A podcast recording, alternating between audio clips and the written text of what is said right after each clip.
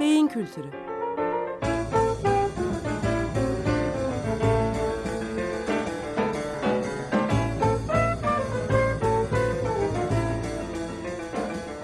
Tarihten, sanattan ve edebiyattan örneklerle beyin.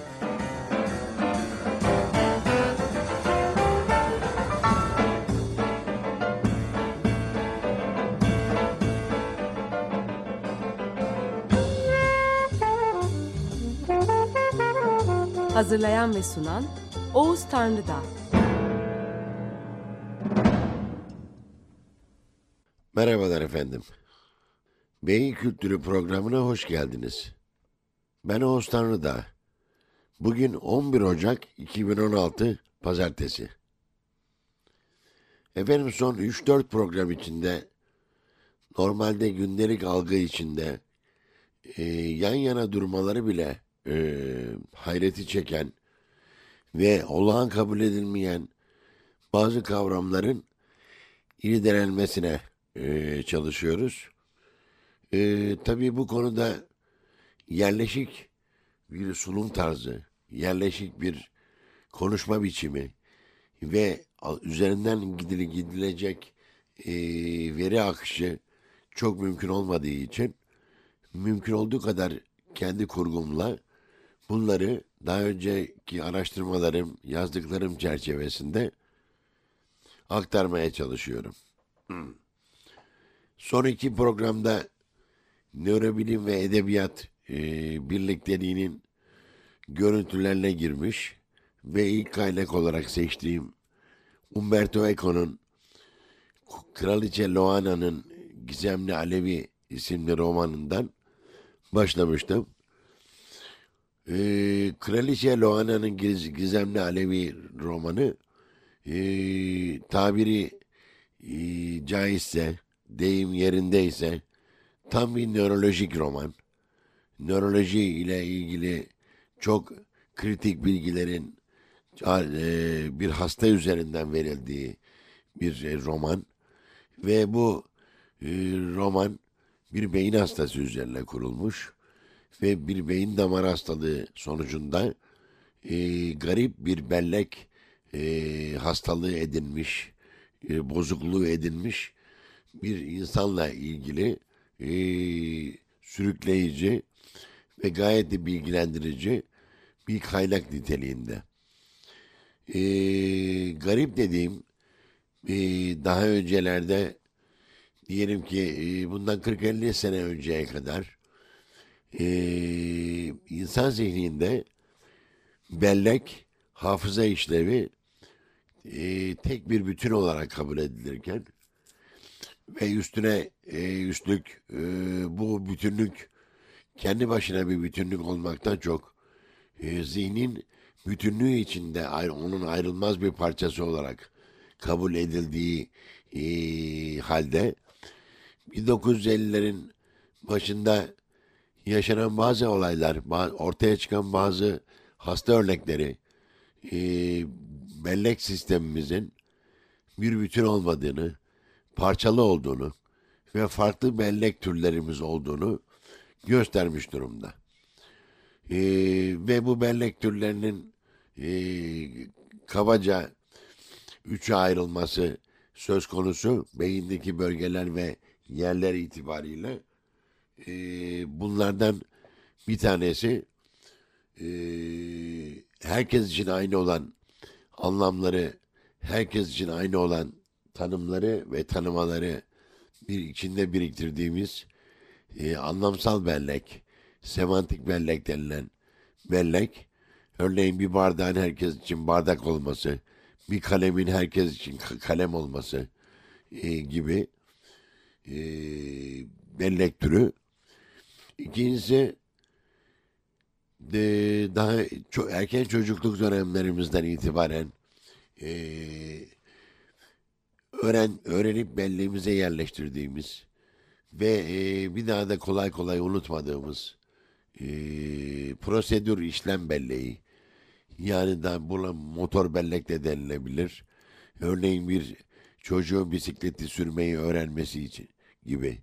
Hatta e, piyanonun başına oturan 4 yaşındaki bir çocuğun e, ne olduğunu ne çaldığını bilmeden çok e, zor e, konçertoları bile çalabilmesi yeteneği de bu kapsam içine girebilir. Bir hem görsel hem de işlevsel bellektir bu. Üçüncüsü ise e, tamamen bize ait. Bizim özgeçmişimize ve öz kimliğimize ait bir bellek türü. Yani e, çocukluğumuzdan itibaren neler yaşadığımızın e, en iyi e, şeyi e, ispatı bizim zihnimizin onları hatırlaması ve bize e, o yaşadığımız olayların nasıl geldiğiyle ilgili bir bellek türü. E, dolayısıyla herkes için çok farklı olan, e, kişiye özel olan bir bellek türü. Ve burada e, öz, kimlik, öz kimliksel bellek, e, epizodik belleğimiz adını vermekteyiz. Bu bilgiler bu şekilde ortaya çıktıktan sonra e, okuduğumuz, yazdığımız olayları bu bir, bellek türlerine göre değerlendirebiliriz. Ve Umberto Eco'nun Kraliçe Loana'nın e, Gizemli Alevi isimli romanındaki e, hastanın yaşadığı bellek problemini bu bağlamda e, daha da yerine oturtabiliriz.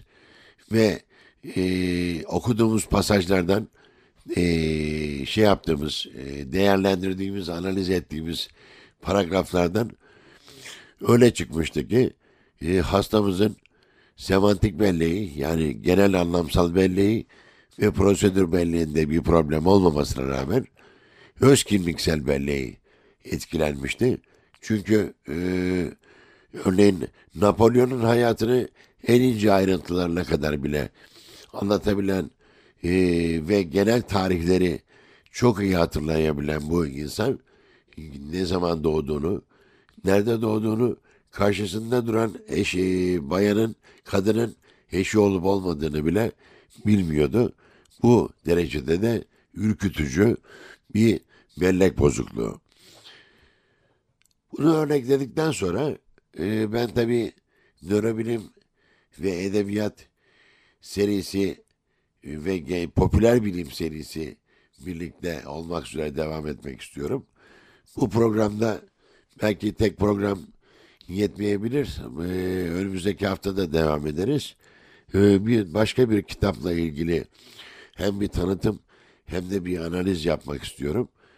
Ee, bu kitap bilinç kullanım, e, kullanım kılavuzu e, adı verilen bir kitap.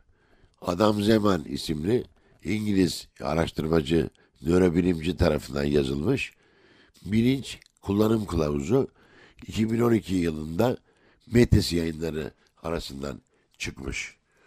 Ve e, insanda bilincin anlamları ve içeriği konusunda benim şahsen çok çok tavsiye edebileceğim, okunmasını salık verebileceğim çok muhteşem bir popüler bilim örneği sayılabilir. Ee, bilinç kullanım kılavuzundan e, biraz başlamak gerekirse e, kitabın girişinde e, yazarın e, anlatmak istediği konuyla ilgili ki anlatmak istediği konuda bilincin en önemli e, şekillendir şekillendiricisi olan bilincin en önemli e, yardımcısı olan Dikkat isimli işlevin açıklamasına yönelik. Dikkat nedir? Biz nasıl dikkat ederiz? Dikkat bize nasıl katkı sağlar? Dikkatimiz olduğu zaman veya olmadığı zaman e, zihinsel durumumuz, dolayısıyla beyinsel durumumuz nedir? Bunun üzerine bir e, paragraf bu. İzninizle okumaya başlayayım. Bu satırları yazarken yağmur damlalarının çimenlik üzerinde çıkardığı pırıltıları seçebiliyorum. Pencereden içeri gri bir ışık süzülüyor. Şöminedeki ateş harıl harıl yanıyor. Havaya odun dumanı kokusu yayılıyor. Koltuğum sert, koltuğun kollarının dirseklerime yaptığı baskıyı, hasır oturma yerinin beni tarttığını, ayaklarımın taş zemin üzerinde karşılaştığı direnci hissediyorum. Kahveden bir yudum alıyorum. ılık, kekre ama sütün de etkisiyle tatlı. Yanan ateşe rağmen İngiltere'nin bu yaz günü soğuk, tenim soğuktan hafifçe diken diken oluyor. Kızımız ateşin önünde uyuyor. Kımıldadığını, uykusunda inlediğini duyabiliyorum. Dışarıda deniz havasında tuz, dağılan bulutlarda bir gökkuşağı izlenimi var. Evet, adam zaman dikkatin ne olduğunu anlatabilmek adına böyle bir paragrafla giriş yapmış ve ben de e, bu, bunun üzerinden devam etmek istiyorum. Ayrıca bu e, size şu anda aktaracaklarım, bunun üzerine aktaracaklarım aynı zamanda e, geçen yıl Üsküdar Üniversitesi yayınları arasında yayınlanan e, beyin davranış ilişkileri üzerine konferanslar ve dersler isimli kitabımın ikinci baskısından e, Dikkat isimli bölümü de aynı zamanda aktarmayı amaçlıyor. Dolayısıyla o bölüm çerçevesinde derslerimde de dikkati anlatırken nasıl bir yol izlediysem buradaki programda da o yoldan yürümeyi hedefliyorum. 1842-1910 yılları arasında yaşamış ve psikolojinin kurucularından biri olma sıfatına hak kazanmış Amerikalı düşündür, e, aff affedersiniz düşünür William James 1890'da yayınlanan Psikolojinin Prensipleri adlı eserinde dikkati şöyle tanımlar. Dikkat, etrafımızda sürüp giden farklı olayların aynı anda farkında olmamızı sağlayan bilinç ve uyanıklık temelinde gerektiğinde bu olaylardan herhangi birisini seçilerek ona yönlendirilmesi, bu yönelimin belli bir süreyle sürdürülebilmesi ve gerektiğinde başka biri uyaran üzerinde yoğunlaşabilmesi yeteneğimizdir. Bölümün girişinde yer alan, yani bu benim konuşmamın girişinde yer alan Adam Zeman'ın Türkçesi Metis Bilim serisinden aslında e, 2006 yılında yayınlanmış ve daha sonra ek baskıları yapılmış bilinç e, kullanım kılavuzundan alınmış paragraf dikkatin ne olduğu, nasıl bir şey olduğu konusunda sadece William James'in tanımının mükemmel bir açıklaması olmakla kalmıyor, aynı zamanda dikkatin beyinsel mekanizmalarını düşünmekte çok yaratıcı bir örnek oluşturuyor. Bu nedenlerle dikkat konusunun incelenmesine bu doğrultuda başlanmasında fayda var. William James dikkat tanımında etrafımızda sürüp giden farklı olayların aynı anda farkında olmamızı sağlayan bilinç ve uyanıklığı temel olarak e, ele almakla başlıyor. Yani bu etkeni bilinç ve uyanıklığın varlığını dikkat tanımının olmazsa olmaz ön koşulu olarak belirtiyor. Ona göre bilinç ve uyanıklık aynı anda birçok şeyin farkında olmamızı sağlayan temel bir etken. Hep öyle değil mi? Tek bir olay üzerine e, dikkatimizi versek bile etrafımızda olan olayların e, farkında olmadığımızı hiçbir şekilde söyleyemeyiz. Ve tek bir olayın üzerinden dikkatimizi yoğunlaştırarak gitmemize rağmen sorulduğu zaman etrafımızdaki olaylar konusunda kısmen de olsa bilgi vermemiz söz konusudur. Çünkü bilincimiz ve uyanıklığımız bunları kap da aynı zamanda kapsıyor. Evet, bu ifadelerden bilinç ve uyanıklığın etkilendiği durumlarda dikkate sağlam bir giriş yapılamayacağını, dikkatin sağlam bir şekilde ortaya konulamayacağını, dikkatin daha baştan bozulacağını anlıyoruz. Ardından zihnin esnek ve geri dönüşümlü bir özelliği olarak etrafta olup biten olaylara, olaylara yönelik bu bilinç ve uyanıklığın kullanımını görüyoruz. Bu kullanımda dikkatin üzerinde yoğunlaştırılacağı uyaranın diğer uyaranlar arasından seçilimi ve bir süre onun üzerinde yoğunlaşabilme yeteneği önemli. Uyaranın bizim için ifade ettiği anlam çerçevesinde bu yoğunlaşmanın belirli süreler içinde devam etmesi gereği var. Çünkü eğer bir uyaran üzerinde yoğunlaşabilme adayı olarak diğer uyaranlardan bu uyaranı öne çıkartmazsak o uyaranla ilgili zihinsel işlem dikkatten çok farkındalık düzeyinde kalıyor. Adam zamanın ifadelerinden de anlayacağımız üzere zihnin farkındalık düzeyinde algılanan birçok ve çeşitli uyaranların olduğu bir ortamda bütün bunları farkındalık düzeyinin dışına atmadan ama sadece kendisinin yazı yazma üzerinde yoğunlaşmasından e, etrafa perde perde yayılan dikkatin yine azalan ama yine kapsamı içinde devam eden bir zihinsel faaliyet var. Ama aynı zamanda anlıyoruz ki bir süre sonra dikkat yazı yazmanın üzerinden alınabilir ve örneğin şöminenin ya da dışarıdaki günün üzerinde yoğunlaştırılabilir. Bu tablonun içinde yer alan her olgu için, her uyaran için söz konusu olabilir.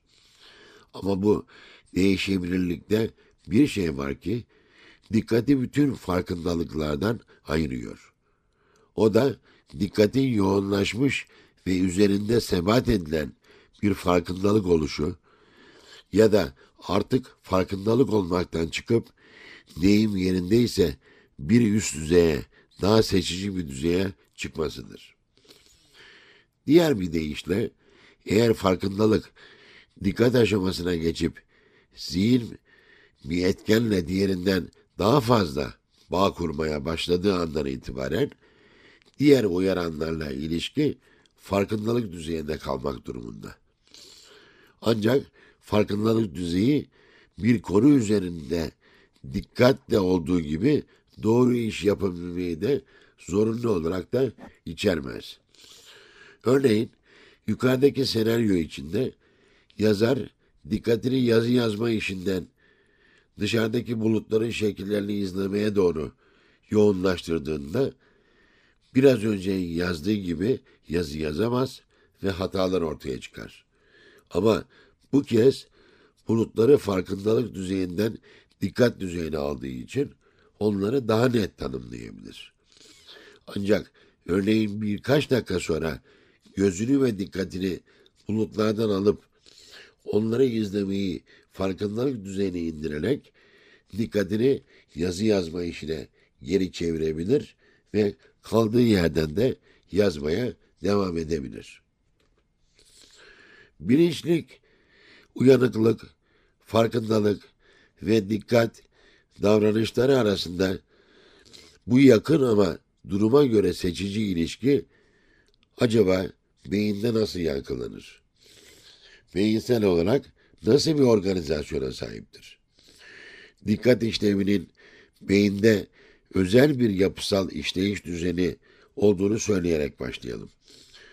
Bu düzenek bilinç, farkındalık, yönelim ve sebat etme gibi ilgili yapıların aslında beyinde birlikte çalıştığı bir düzenektir.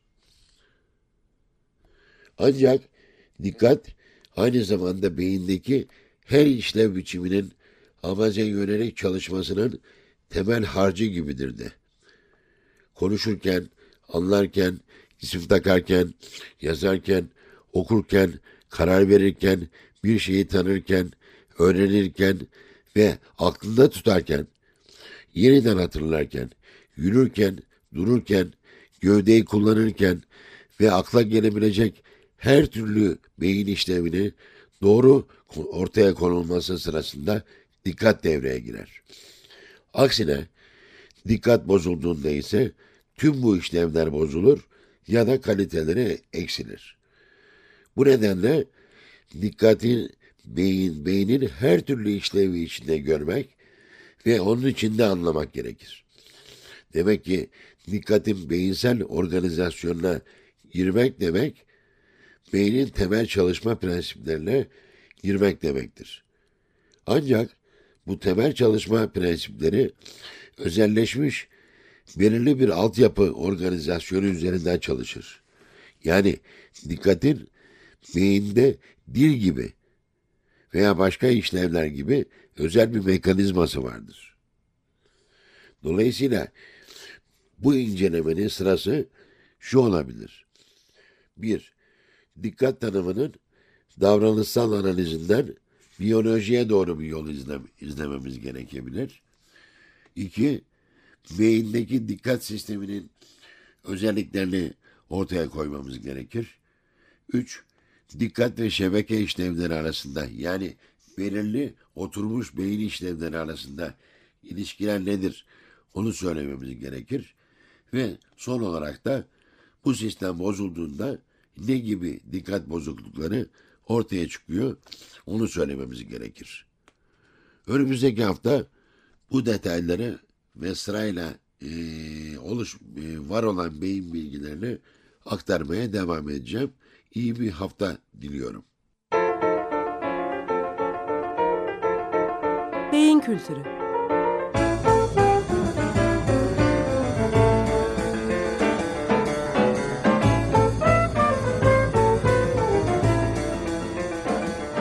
tarihten, sanattan ve edebiyattan örneklerle beyin.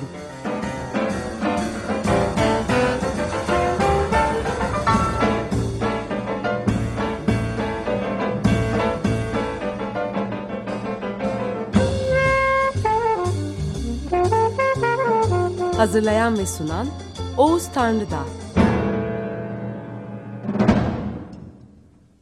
Açık Radyo program destekçisi olun bir veya daha fazla programa destek olmak için 212 alan koduyla 343 41 41